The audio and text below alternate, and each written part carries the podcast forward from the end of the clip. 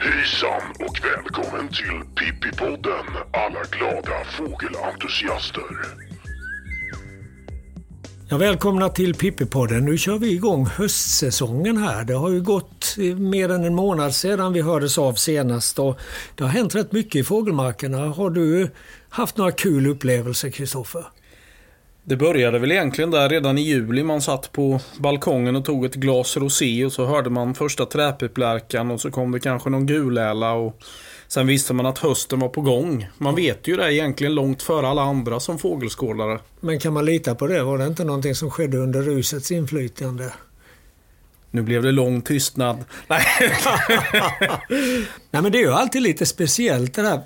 Fågelsträcket mot söder börjar ju redan egentligen innan sommaren börjar med skogssnäppor och sen fortsätter det genom hela sommaren med en massa vadare. Ändå så är det lite speciellt just det du säger när man hör den första träpiplärkan, den första gulärlan på sydsträck. Det är på något vis, ja tydligare höstkänning i det. Ja, det är tydligare höstkänning men det känns ändå som att det kan vara ganska lång tid kvar på sommaren ändå på något ja. sätt. Men man har det hela tiden i bakhuvudet att hösten börjar knacka på dörren. Ja, och just det du säger om slutet av juli, då hade jag en annan sån där höstupplevelse i form av ett par gamla bivråkar som sträckte iväg ut över Laholmsbukten. Det var en dag i, en vacker dag i slutet på juli månad. Och eh, bivråken är ju lite speciell eftersom det är en getingspecialist. Och nu i sommar är det någonting man har kunnat läsa om i tidningarna som har anknytning till fåglar så är det ju att det har varit så väldigt lite getingar. Man pratar om att förra sommaren var en getingsommar och att denna sommaren av det skälet då skulle bli en sommar som inte hade mycket getingar. Och sen kom det rapporter om att ja, så var fallet också. Men det stämmer ju inte riktigt med den bilden vi har utav bivråkarna nu när hösten verkligen är här. Nej, för bland annat i Grötvik och i Falsterbo har man ju sett eh, rätt så mycket bivråkar som har sträckt söderut. Ja. Bland annat på Jätterön där jag jobbar där tycker jag att vi får ta ut eh, getingar i tid och otid inifrån Naturum. Så där så. märks det också. Ja, jag mm, kollade med Falsterbo eh, fågelstation och sträckräkningen där nere och de hade fram till nu i mitten på september räknat ungefär 4500 bivråkar. Och någonstans i storleksordningen 700-800 av de här var ungfåglar. Och det är med senare års mått mätt en väldigt hög ungfågelandel. Så det måste ju betyda att någonstans i Sverige eller i Skandinavien har det varit gott om getingar i år. Verkligen. Eller så har bivråkarna blivit vegetarianer. Ja, man vet aldrig. Å andra sidan så när det kommer till andra arter så ortolansparvarna, vad har hänt med dem egentligen? Har fransmännen käkat upp alla eller beror det på biotoperna runt om i vårt land eller på andra ställen? Det, det, är nog flera faktorer som har spelat in där. Alltså att biotoperna har förändrats till ortolansparvarnas nackdel är ju ställt utom allt tvivel. Men eh, att just våra skandinaviska ortolansparvar, eller fenoskandiska ska vi kanske säga och inkludera Finland, att de drabbas så hårt, det har nog faktiskt med fransmännen att göra. De jagar ju fortfarande åtskilliga tusen ortolansparvar varje år trots att det är förbjudet sedan nästan 20 år. Ja, jag hörde någon eh, prata om att jakten har upphört nu, men kan det verkligen stämma? Nej, det har den definitivt inte gjort utan eh, den, den, den fortsätter men lite mera i skymundan än tidigare. Och sen när det kommer till vadare så har det ju setts en hel del sådana här islandikarödspoar bland annat i Skåne och Halland. Vi hade en flock på Jätterön med 14 stycken bland annat och det är ju en rödspo som inte riktigt har samma flyttning som vår egen rödspo och kanske inte häckar på direkt samma ställen heller. Nej, och det är ju lite spännande med dem för att samtidigt som det har gått väldigt illa under senare år för de rödspovar som häckar på det europeiska fastlandet, bland annat då i Sverige och i Holland, så har det gått väldigt bra för de här islandikarödspovarna på Island och de lär under sen tid ha spridit sig till Irland också. Så det finns en liten häckande population där. Och sen har det sedan ganska länge funnits en liten population uppe på Röst, eller på Lofoten rättare sagt, i, i Norge. Men eh, de som dyker upp här, det bör väl vara islänningar i alla fall. Det tror jag nog. Man, eh, det står ju i fågelböckerna att man ska uppleva dem lite mer som kortnäbbar och lite mer kortbenta och knubbiga. Kanske lite mer varm färg på halsen och sådär. Men jag vet inte, det är lite subtilt det där med kanske. Jo men alltså nog får man det intrycket att de är lite färgstarkare mm. än eh, våra unga Jo, det kan jag hålla med om. Mm. Och de flyttar kanske inte riktigt lika långt heller som våra rödspoar som kanske flyttar till Senegal och Guinea-Bissau och liknande. Ja. Ja, det är ju mycket rödspovar i Portugal under vintrarna och det är kanske i första hand då de här isländska. Ja, de kanske nöjer sig med portugisiska viner och stortrappar. ja, precis. Ja, misstag det är någonting som vi alla gör då och då och som fågelskådare så kan de här misstagen få ganska fatala följder. Nu syftar jag inte på felbestämningar av fåglar även om detta i vissa läger anses betyda enorma prestigeförluster. Fast det är ju bara fjantigt. I de här sammanhangen tycker jag att man kan travestera ett känt ordspråk och säga att bättre lyss till en string som brast än att aldrig ata en fågel. Med andra ord, det är bättre att ropa ut en fågel än att vara tyst av rädslan att göra fel. Men det är alltså inte den typen av misstag vi syftar på nu. Inför den här sändningen av Pippi-podden så bad vi fågelskådare att dela med sig av de misstag de gjort och vi fick flera förslag och har valt ut fyra av dem. Det första handlar om rena mardrömmen och det är Per Lydmark i Göteborg som berättar om en tur med familjen till Kullaberg i Skåne. Efter att ha tittat på havssulor och fikat med barnen skulle man plocka svamp. Med bilen skumpade man fram och tillbaka över små gropiga och backiga vägar. Efter flera kilometer kom man fram till en utsiktsplats. Och Per fick ett infall att gå ut och fotografera vyn ner mot Mölle. Men vad låg då på biltaket? Jo, en alldeles nyinköpt Swarovski av värstingmodellen. Till råga på allt fanns det en skylt i vägkanten som förbjöd nedskräpning. Misstag nummer ett är alltså att glömma kikaren eller annan utrustning på biltaket. Misstag nummer två har vi fått från signaturerna Kalle och Håkan som också beskriver sig själv som några av landets allra slöaste fågelskådare. För ganska många år sedan kom det ett larm om en taggstjärtsseglare vid Ore backar vid Hornborgasjön. De båda befann sig då 25 mil båt. Men trots att taggstjärtsseglaren tillhör fågelvärldens fartvidunder så drog de båda iväg mot Ore backar. Ett par timmar senare kom de fram till parkeringsplatsen och mötte en mycket nöjd och nykryssad skådare. Jo då, fågeln fanns kvar några hundra meter bort. Kalle och Håkan, som normalt alltså inte gör många knop, de sprang för allt vad tygen höll bort mot Odebacka. Och just som de försvann bakom en, ett krön så kom taggstjärtsseglaren flygande över parkeringsplatsen. Därefter sågs den inte mer. Misstag nummer två var alltså att springa. Gör aldrig det, säger Kalle och Håkan. Det tredje misstaget har vi fått från en annan inbiten kryssare. Hans misstag var att ta med barnen i bilen när han drog iväg för att se en sällsynt art. Utan att tala om det för frun. Hon ville att han skulle göra annat denna lediga dag. Men han smög sig alltså iväg och eftersom barnen också var hemma fick de följa med. Draget lyckades och upprymd av ett nytt kryss svängde han inom McDonalds i Göteborg på hemvägen och mutade ungarna med den största hamburgare de ville ha. Sedan åkte de hem och låtsades som ingenting inför frun. Problemet kom helgen efter när hela familjen åkte iväg samma väg som han och barnen åkt en vecka tidigare.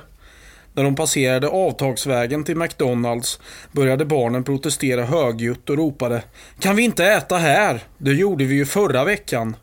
Vadå förra veckan? undrade frun och spände ögonen i skådaren. Misstag nummer tre är alltså att ta med barnen i bilen om man åker på ett hemligt drag.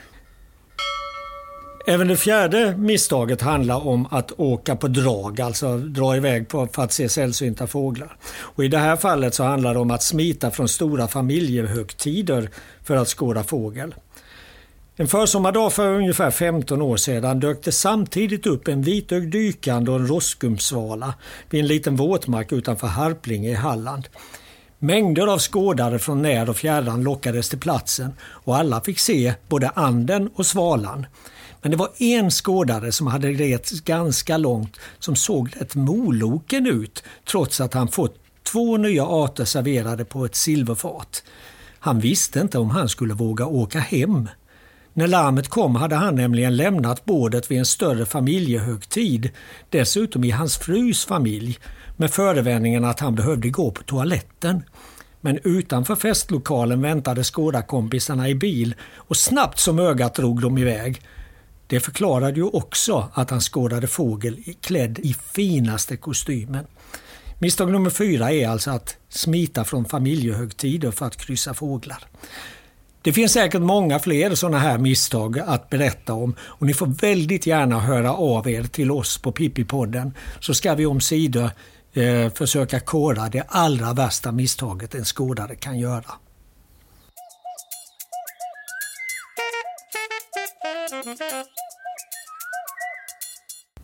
I samband med evenemanget Folk och fåglar på Jätterön förra helgen så eh, pratade vi rätt mycket om de här misstagen man kan göra med olika fågelskådare.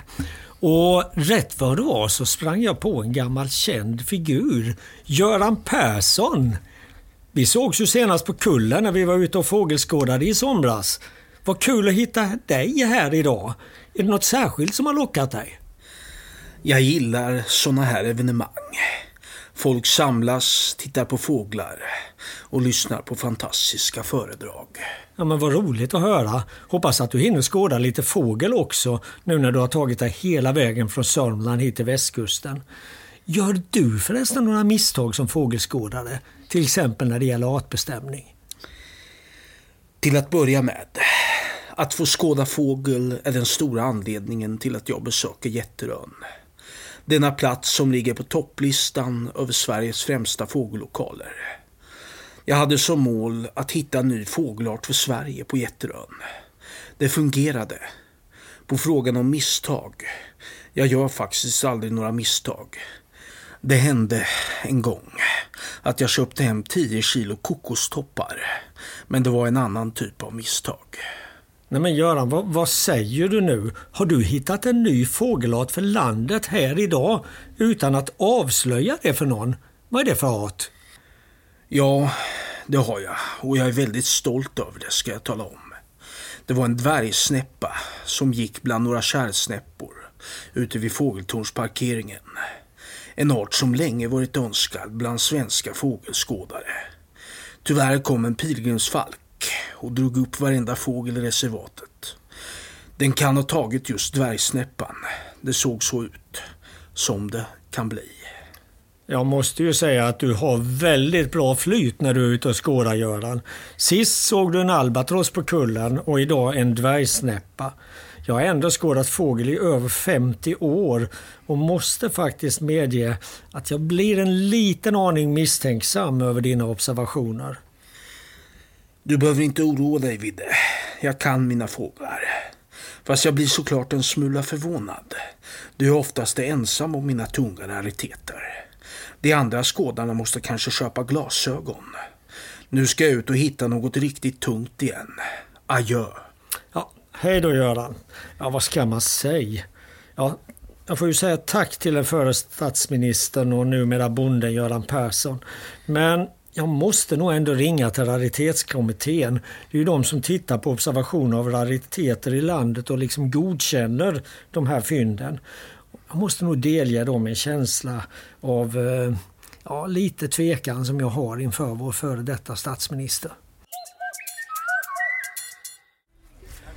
Ja, I Pippipodden så har vi haft eh, genom året här flera stycken fingerade eller fiktiva gäster. Nu har vi faktiskt en högst verklig gäst som står här mitt emot oss och det är Per Ahlström, en av Sveriges främsta forskare när det gäller fåglars släktskap. Och vid Folk och fåglar på Jätterön nu i söndags så berättade du om den här forskningen och du hävdade bland annat att duvhöken är närmare eller är mindre släkt med jaktfalken än vad jaktfalken är med domherren. Mm. Alltså jaktfalk och domherre är närmare släkt än jaktfalk och duvhök. Det kan väl ändå inte stämma? Nej, det kan omöjligt stämma. Jag har bara hittat på allt sammans. Nej, faktum är att, faktum är att de DNA-analyser som vi och andra forskare har gjort visar att, att falkar är närmare släkt med papegojor och tättingar än med andra dagrovfåglar som till exempel, fall, eh, som till exempel hökar och örnar och kärrhökar och vråkar och allt sånt. Så att falkarna är alltså väldigt långt ifrån övriga dagrovfåglar. Det är mycket, mycket märkligt. Tror du att eh, den gode Carl von Linné vänder sig i sin grav nu? Ja, det skulle han utan tvekan göra. Han ska bli förtvivlad. Men, men detta har stötts väldigt mycket av, eh, av våra genetiska studier och det är inte så konstigt egentligen som det låter för att eh, vi brukar tala om konvergent evolution, alltså att organismer som inte är speciellt nära släkt med varandra kan vara väldigt, väldigt lika till utseendet genom att de lever under likartade levnadsförhållanden. Och eh, det är förmodligen exakt det som, som har hänt i det här fallet. Att, eh, att jaktfalkar, eller alla falkar och eh, hökar, de, de liknar varandra mycket därför att de äter ungefär samma saker. Eh, de lever på ungefär samma sätt. Så därför så har de kommit att likna varandra också väldigt mycket. De har alltså utvecklats åt samma håll fastän från två helt skilda utgångspunkter. Precis, precis, från två helt skilda utgångspunkter. De har inte något nära släktskap, eh, inga nära gemensamma förfäder utan de ligger väldigt, väldigt, väldigt långt tillbaka i tiden och delas av väldigt mycket annat också. När, när ni nu går in och tittar på fåglarnas DNA så upptäcker ni också att många fåglar som vi tidigare har trott varit släkt med varandra inte är det. Du berättade bland annat om sångarna som vi har betraktat som en enhetlig grupp. De är spridda liksom över hela tättinggruppen i stort sett. Ja, ja. sångarna är ju en, en sådan grupp som eh, man har klumpat ihop därför man har trott att de är nära släkt därför att de påminner mycket om varandra. Och eh, det är väl så att de alla äter ungefär samma sak, alla insektsätare. Ehm, och eh, därför så har de kommit att likna varandra väldigt mycket. Ehm, så det är ett, ett eh, ytterligare exempel på hur den här gamla klassiska taxonomin har eh, vilseletts av en, en yttre likhet som, som inte alls är baserad på släktskap. Mm. Och det här det ställer ju till det för oss fågelskådare också så tillvida att nu får ni sätta nya namn på, på eh, olika arter. Mm. Eh, Lövsångaren kanske inte ska heta Philoskopus längre. Ja, det gör den kanske, men det finns ja. många sådana andra ja, exempel. Jo, precis. Ja. Eh, visst gör det det. Gör ni det här på ren jävelskap? Ja, faktiskt. Ja. Nej, jag tycker själv att det är irriterande och eh, personligen så föredrar jag faktiskt lite större släkten. Jag tycker det är, jag har inget emot att kalla alla mesar för parus, eh, medan idag så delar man in mesarna i, ja, vad kan det vara, ett tiotal olika släkten. Det är periparus och cyanistes och lofolotes och allt vad de heter. Så att det, alltså det, det, är ju, det speglar ju bättre den här, eh, det här släktträdet. Det är det man försöker göra genom att dela upp släkterna i, i mindre släkten. Genom att, eh, genom att sätta namn på varje liten grupp då som man hittar. Eh, men i vissa avseenden så blir det mer opraktiskt helt enkelt. Och för fågelskådare och för, som använder fågelböcker, eh, där de inte hittar sitt namn, liksom, det är våldsamt irriterande. Man undrar vad tusan är det här för någonting? Den finns ju inte i boken. Och så kan det bara vara så att den har bytt namn helt enkelt.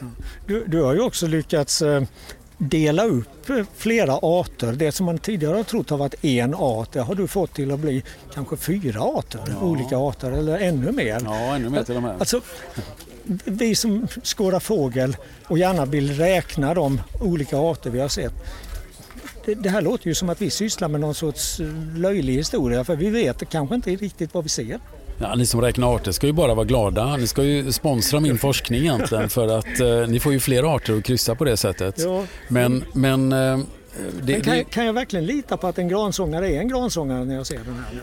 Ja, gransångare är ju en, en sådan art som man faktiskt från början har delat, eller för ja, kan det vara 20-30 år sedan delade upp i flera olika arter baserat på DNA-studier och med, i viss om, eh, omfattning även eh, ljudanalyser. Mm. Men i huvudsak så var det faktiskt på, på DNA-grunder.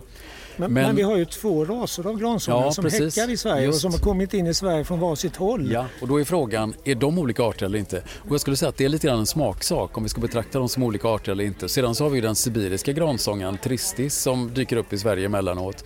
Och där är också lite grann hugget, ursäkta, hugget som stucket skulle jag säga om man vill betrakta det som olika arter eller som underarter av samma art.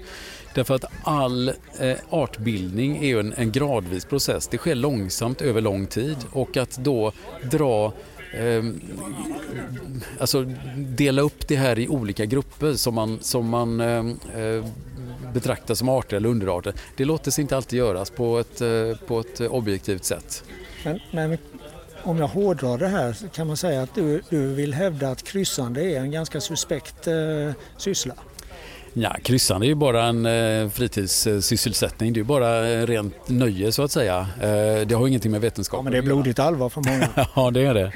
Eh, och det är klart att det blir ju mer komplicerat för de som kryssar om det visar sig att de arterna som vi delar upp är väldigt, väldigt svåra att skilja åt i fält. Då kan ju folk bli irriterade och tycka att eh, klåfingrar taxonomer, jag vet inte vad jag ska kryssa längre och man tappar sina kryss och så vidare därför att man vet inte vilken art man såg egentligen. Och det är klart, men, men man får väl helt enkelt acceptera att världen är mer komplex än, eh, än vad man tidigare har antagit. Så att eh, det, det, är bara att gilla läget skulle jag säga. Ja, tack så mycket Per Ahlström. Det var jätteroligt att prata med dig. Det var väldigt roligt att lyssna på dig. Tack så mycket. Tack.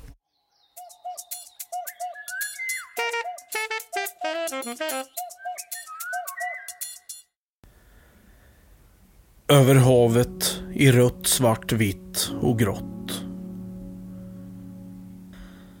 Det var en gårdagens baguette jag tog där i min båtstol intill fiskeboden i Skälviks hamn där minnen blandades med nutid samtidigt som solen värmde min rygg.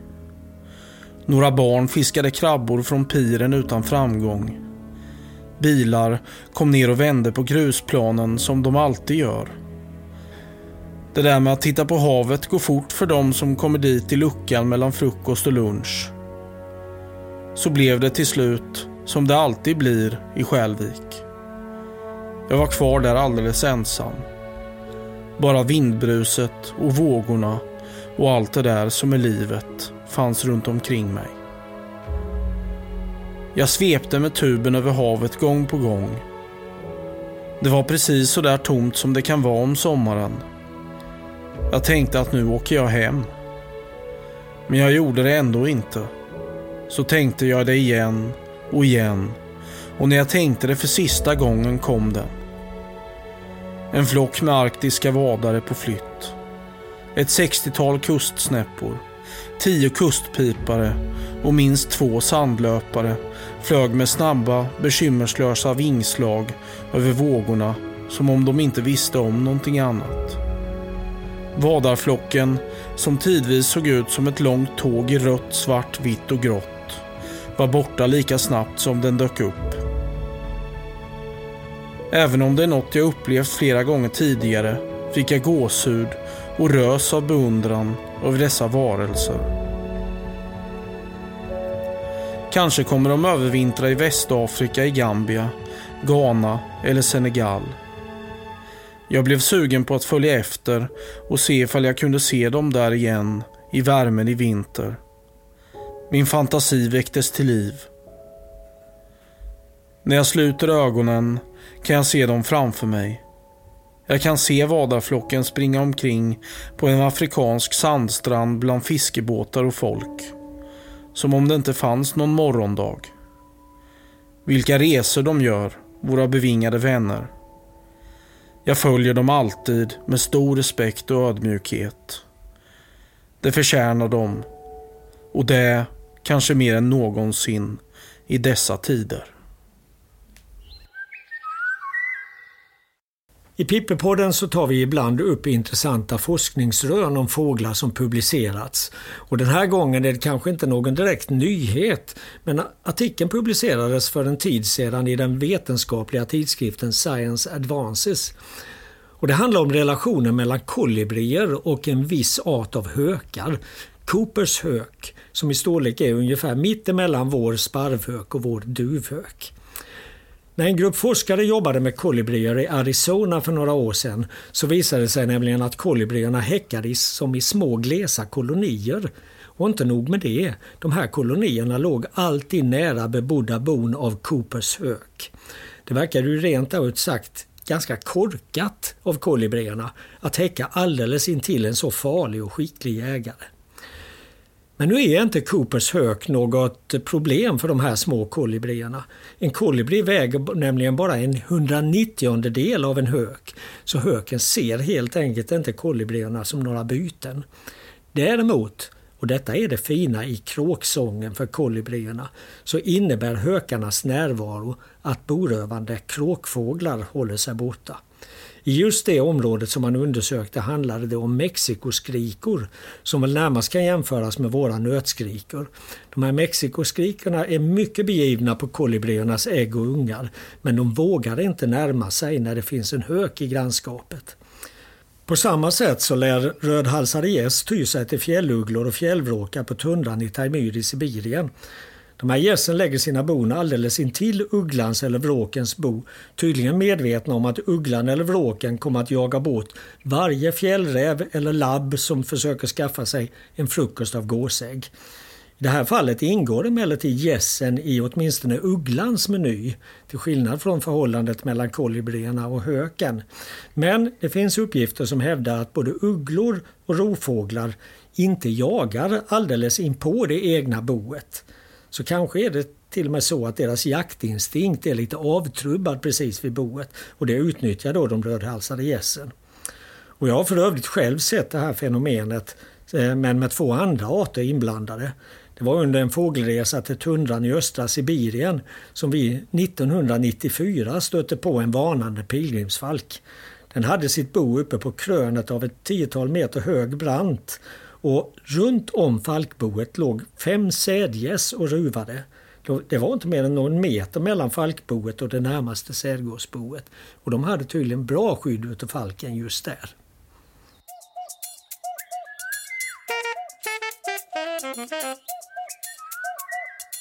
Eh, jag står här framför Bo Nielsen, ringmärkningsansvarig på eh, Jätteröns fågelstation. En legend i sammanhanget. Är du nöjd med dagen? Jag är mycket nöjd med dagen. Vi hade en riktigt bra dag med knappt 149 ringmärkta fåglar. Eh, det är klart bra. Var det några guldkorn i näten? Ja, inte så många, men en gräshoppsångare förgyllde. Ja, det börjar ju ändå bli en bit in i september. Det är nästan som man skulle kunna börja tänka på träsksångare och annat. Några skäggmesar med kanske? Ja, två skäggmesar fick vi. En han och en hona, och som, så man kunde se skillnaden där. Det måste ju varit väldigt uppskattat. Det var ju någon som pratade om väldigt många besökare. Hur många var det egentligen som kom på visningarna? Ja, någonstans som räkna fick det 190. Ja, det var ju inte illa alls. Blir det några mer eh, ringmärkningar framöver nu? Ja, det blir det, men inte veckan. Det blir nog inte för nästa helg nästa gång. Och sen i oktober kommer vi att ringmärka det här, så då kan man komma och titta nästan varje dag. Om man pratar in sig så kanske man kan få bli förevisad lite. Svarthätta har väl varit dagens art. Den var Just det. absolut vanligast. Häftigt. Svarthättetid. Ja, jag tycker svarthättan blir vanligare och vanligare, särskilt när man inventerar i skogarna med på vårar. De sitter ju i granskog och allt möjligt numera. Det verkar vara en art som anpassar sig väldigt bra till klimatförändringen. Den går det jättebra för. Det är ju, man hör alltid om det går dåligt för, men svarthätta, trädgårdssångare, rödstjärt, det är ju arter som verkligen ökar, som det går jättebra för nu. Svarthättans sång är ju väldigt vacker att lyssna på också, så det lär vi höra mer av i framtiden. Tack Bo Nielsen!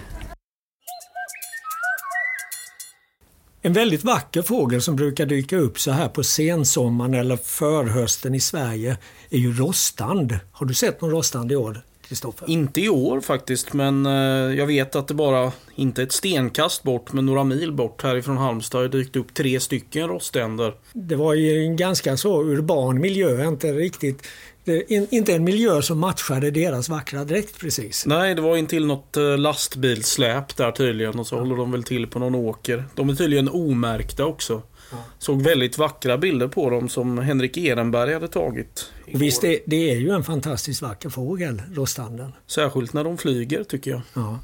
Och det är ju lite fascinerande med rostanden. Det är ju en fågel som hör har sina närmaste naturliga häckningsplatser ända nere i Turkiet eller runt Svarta havet eh, och sen också i Marocko. Men som är introducerad i stora delar av Europa. Jag läste nu bland annat att det lär finnas minst 200 par i Tyskland.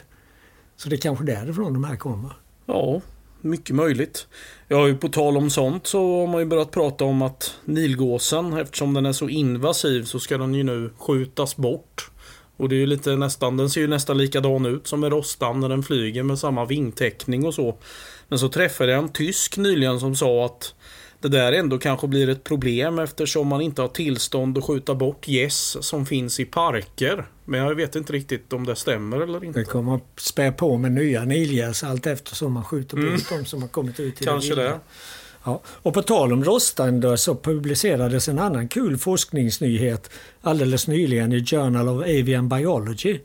Den handlade om att man lyckats följa roständer under deras flyttning från Centralasien till Indien genom, genom Himalaya.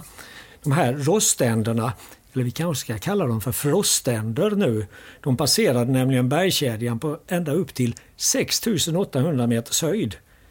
Tidigare så har man följt stripgäss som längs samma rutt nådde ända upp till 7290 meter. Och man har sett både gamar och jungfrutranor på ännu högre höjd. Men gamarna och tranorna de använder termik eller andra uppvindar som kan lyfta dem högt. Både roständerna och stripgässen flyger med aktiv flykt i den tunna och alltså mycket kalla luften där uppe. Kanske är dock inte kylan något större problem eftersom änderna och gässen måste alstra en väldig massa värme när de hela tiden flaxar med vingarna. Och en annan fråga är ju hur de klarar av att andas. Alla som någon gång vistats på hög höjd och försökt anstränga sig vet hur otroligt jobbigt det är. Det känns som om både luftstrupe och lungor snöps samman. Men fåglarna är effektivare på att utnyttja luftens syre. Deras lungor är försedda med så kallade lungsäckar och med hjälp av de här lungsäckarna så kan de ta upp mer syre än vad vi gör och därmed klara ansträngningar i tunnare luft än vad vi klarar av. Men det är ändå häftigt med roständer på 6800 meters höjd, visst är det? Det hade verkligen varit en syn.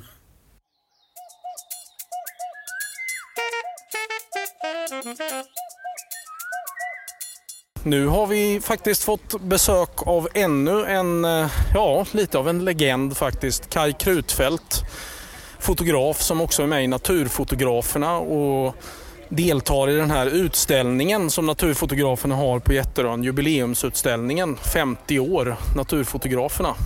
Hur känns det att vara med i den? Ja, det är klart det känns väldigt hedersvärt för att eh, på något vis har man ju upplevt de här gubbarna från Korsnäsgården, eh, Gillsäter och lite andra gubbar och de har ju påverkat mig i mitt fotograferande så det är klart att det här är ju tunga vingslag faktiskt. Det är det. Ja, och få vara med i en sån här utställning med så blandade alster. Allt från rävungar till grodor till eh, hägrar och eh, alla möjliga naturfenomen. Är ju rätt så häftigt. Kan du berätta lite om din bild, hur du tänkte? Ja, min bild den, den, den har jag kallat för storm och det är ju det att i vanliga fall så fotograferar jag ju mycket fåglar. Men den här gången tänkte jag att jag skulle jobba lite på kvällen också. Och jag åkte ner till Glommen och det blåste rätt duktigt den här dagen. Så jag stod bara i, i, lite i vindskydd och så började jag jobba mot en utav pirarna där ute. Och till slut så satt den bilden så som jag ville ha den. Eh, det är klart att man hade kunnat önska lite hårdare väder men, men det, var, det blev som det blev. Det är som ett ljus i natten. Liksom. Eh, det är som den ensamma lampan i världen som lyser tycker jag när jag tittar på den. Liksom. Ja, ja, ja, ja, du, du vet ju det att jag jobbar efter det här det lilla i det stora. Jag tycker den här lilla lampan då, den är det här verkligen det lilla som ska lysa upp det stora havet och allting. Och den får ju bara en liten, liten spot men det är ändå den grundtanken som jag har i, i själva bilden. Ja, du har ju varit här i Jätteröområdet. Är det sedan 2006 någonstans där du kom hit eller? Ja, det stämmer. 2006 så, så flyttade jag hit och det var jag, jag var helt såld. Eh, det räckte med att jag kom ut och bara ställde mig här på Naturum och tittade ut över, över eh, reservatet så var jag helt såld. Du pratar ju om att du är iväg härifrån en lite längre tid så längtar du alltid tillbaka hit. Jag vet ju att du bodde på Öland eller i Kalmarområdet under en period men det var inte riktigt din grej. Nej, jag, jag, saknar den här utsikten och få titta på den här utsikten som är från Naturrum. Naturum. Du ser de här jätteresniporna, du ser klåback och du, du har det här livet som är utanför fåglar och allting och du har ju det året runt. Öland i all ära, det är en fantastisk plats men det är långa avstånd. Du åker väldigt mycket bil. Här ser man ju verkligen årstidernas växlingar tydligt också och det vet jag ju att du har följt även genom dina bilder, ditt bildspråk härifrån Jätterön. Mm, det stämmer, jag har ju hållit på med ett litet projekt där. Eh, där jag har försökt att följa fåglar och, och själva Jätterön från vinter till sommar och hela den biten då. Eh, och det finns ju hur mycket som helst att göra. Det tråkiga är att man kommer bara på en sida. Man glömmer bort att det finns en sida till och det är den norra sidan. Man är ju mest på den södra sidan av Jätterön. Ja, nej men, eh, tack för att du ville vara med och svara på lite frågor. Vad ska du hitta på nu under eh, eftermiddag kväll? Nej, jag tänkte gå igenom, jag har ju tittat bilderna på naturfotografernas bilder, men jag tänkte gå igenom den utställningen en gång till. Eh, det är alltid så, det finns ju alltid några bilder som fastnar och de vill man titta lite extra på. Och det är det jag ska göra och sen så ska jag ut och så ska jag videofilma lite senare. Och med de orden tackar vi Kai Krutfält. Ett stående inslag i Pippi-podden har också varit att jag tagit chansen att tycka till i aktuella fågelskydds och naturvårdsfrågor. Den här gången handlar det om äggsamlare och anledningen är naturligtvis SVTs program Uppdrag granskning som här förleden ägnade en hel timma åt den här företeelsen. Och jag måste säga att det var med viss bävan jag satte mig framför TVn. Det har nämligen förekommit många och ganska grova överdrifter i de här sammanhangen. Det gäller bland annat de fantasisummor som sägs förekomma och som även polisen förmedlar. Det handlar inte alls om några miljonsummor för enskilda ägg i verkligheten eller ens för hela äggkullar utan om betydligt blygsammare belopp. Och även äggsamlandets omfattning överdrivs ofta kraftigt. Nu var programmet riktigt sansat även om en av de intervjuade nog for med ganska rejäla överdrifter. Han, Tage Wahlberg, är själv gammal äggsamlare och han har skrivit två böcker om svenska fåglars ägg och bon. I programmet hävdade han att han känner runt 200 personer som samlar ägg i Sverige och som är aktiva nu alltså. Och att dessa har vardera mellan 8000 och 35 000 ägg. Utan tvekan finns det ett uns av sanning i detta. Och det finns privata samlingar som är mycket stora, det är väl känt. Men några 200 aktiva samlare tror jag inte alls på. Samme man hävdade i programmet att han tidigare hade en komplett samling. Det vill säga att han hade ägg av alla de 282 arter som enligt honom har häckat i Sverige. Officiellt är det bara 260 sa han. Han skulle alltså känna till 22 arter som inte ornitologerna känner till. Och den här mellanskillnaden består bland annat av arter som mindre skrikörn, vattensångare och gyllensparv som alla enligt mannen har häckat i Sörmland. Vidare hävdar Tage Wahlberg att svartpanna törnskata häckat i Arbro och att arter som blåtrast och ormörn också försökt häcka i Sverige. Blåtrasten så långt norrut som i Norrbotten. I något enstaka fall kan säkert äggsamlare ha hunnit före ornitologer och plundrat en ny häckfågelarts bon innan häckningen har blivit känd bland fågelskådare. Men att det skulle handla om 22 sådana här fall, det är inte alls trovärdigt. Det är inte utan att han med de här uppgifterna får ett litet drag av mytomani och därför kan vi nog med fog även ifrågasätta uppgiften om 200 aktiva äggsamlare. Äggsamling är ett allvarligt problem och vi ska absolut jobba intensivt för att få bort det här. Men vi vinner ingenting på att överdriva problemet. Tvärtom skulle vi ju kunna locka folk att plundra fågelbon om vi sprider uppgiften om att äggen betingar atmosfäriska belopp. Det är lättförtjänta pengar, tänker kanske mindre nogräknade personer.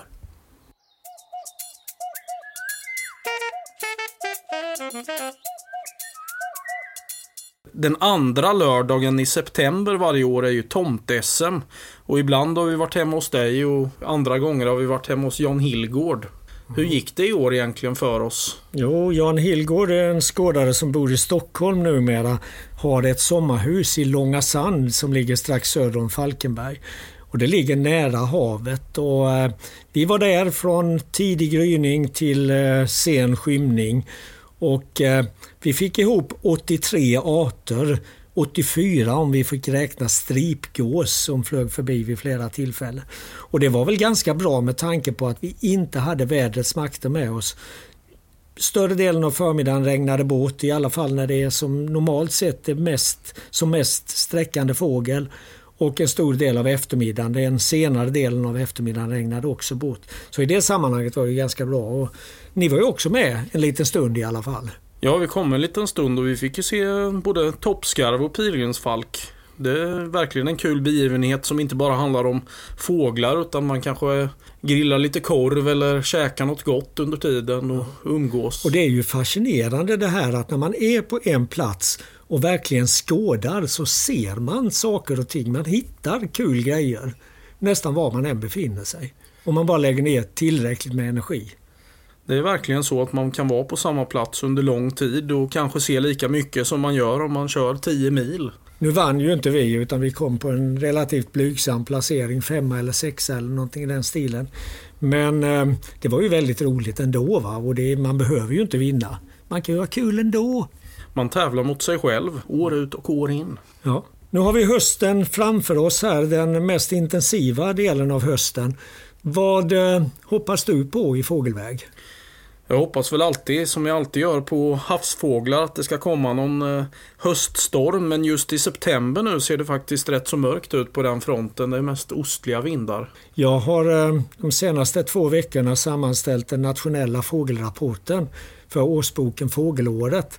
Och eh, det är ju faktiskt så att tittar man bakåt några år nu så har det varit väldigt dåligt med havsfåglar i Sverige. Det har inte blåst hårda västvindar i någon särskilt stor omfattning de senaste åren. Nej, en art som tärnmås till exempel har inte jag sett på kanske fem år nu i Sverige och det var ju nästan vardagsmat varje höst eh, de första åren jag kom till västkusten i alla fall. Så vi får väl hoppas på att det ska blåsa till ordentligt från väster. Men även om det inte skulle göra det så kan det väl dyka upp lite kul grejer. Ja, man kan alltid leta efter sibiriska tättingar och sånt där. Vi hoppas ju alltid som på den första taigasångaren i Grötvik i näten där till exempel. Och det har ju börjat dyka upp taigasångare runt om i Sverige. Jag skulle väl tro att man är uppe i en 20-30 individer fram till idag den 21 september när vi spelar in det här. Och eh, det är ju också en art som har, ja, tvärt havsfåglarna, som har blivit väldigt mycket talrikare under senare år. Vet du hur många taigasångare som noterades i Sverige förra året? Jag gissar ju på att det måste varit mer än tusen i alla fall. Nej, nu tog du i, men eh, drygt 600 var det i alla fall. Okay. det Och det är det klart, klart mesta någon gång. Det kändes som att det var ett sånt extremår på något sätt förra året. Ja, men det var det. var nästan dubbelt så många jämfört med det tidigare bästa året. Och då har jag försökt räkna lite snålt också och undvika dubbelräkningar och sådant. Och då hamnar vi där någonstans. Sen vet man ju att det var ju mängder av taigasångare som aldrig sågs av någon. Så är det ju. Det var ju den bästa raritetshösten någonsin. Man pratar ju mycket om hösten 87. Då var ju du med också. Men den här hösten som var 2016 slog väl den med hästlängder i slutändan. Ja, så vi har en hel del att se fram emot. Och om inte annat så kan vi ju se fram emot nästa Pippi-podd som kommer om sådär två veckor va? Ja, absolut.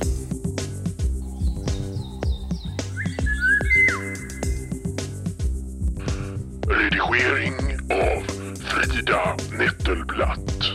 Pippipodden produceras i samarbete med Studiefrämjandet.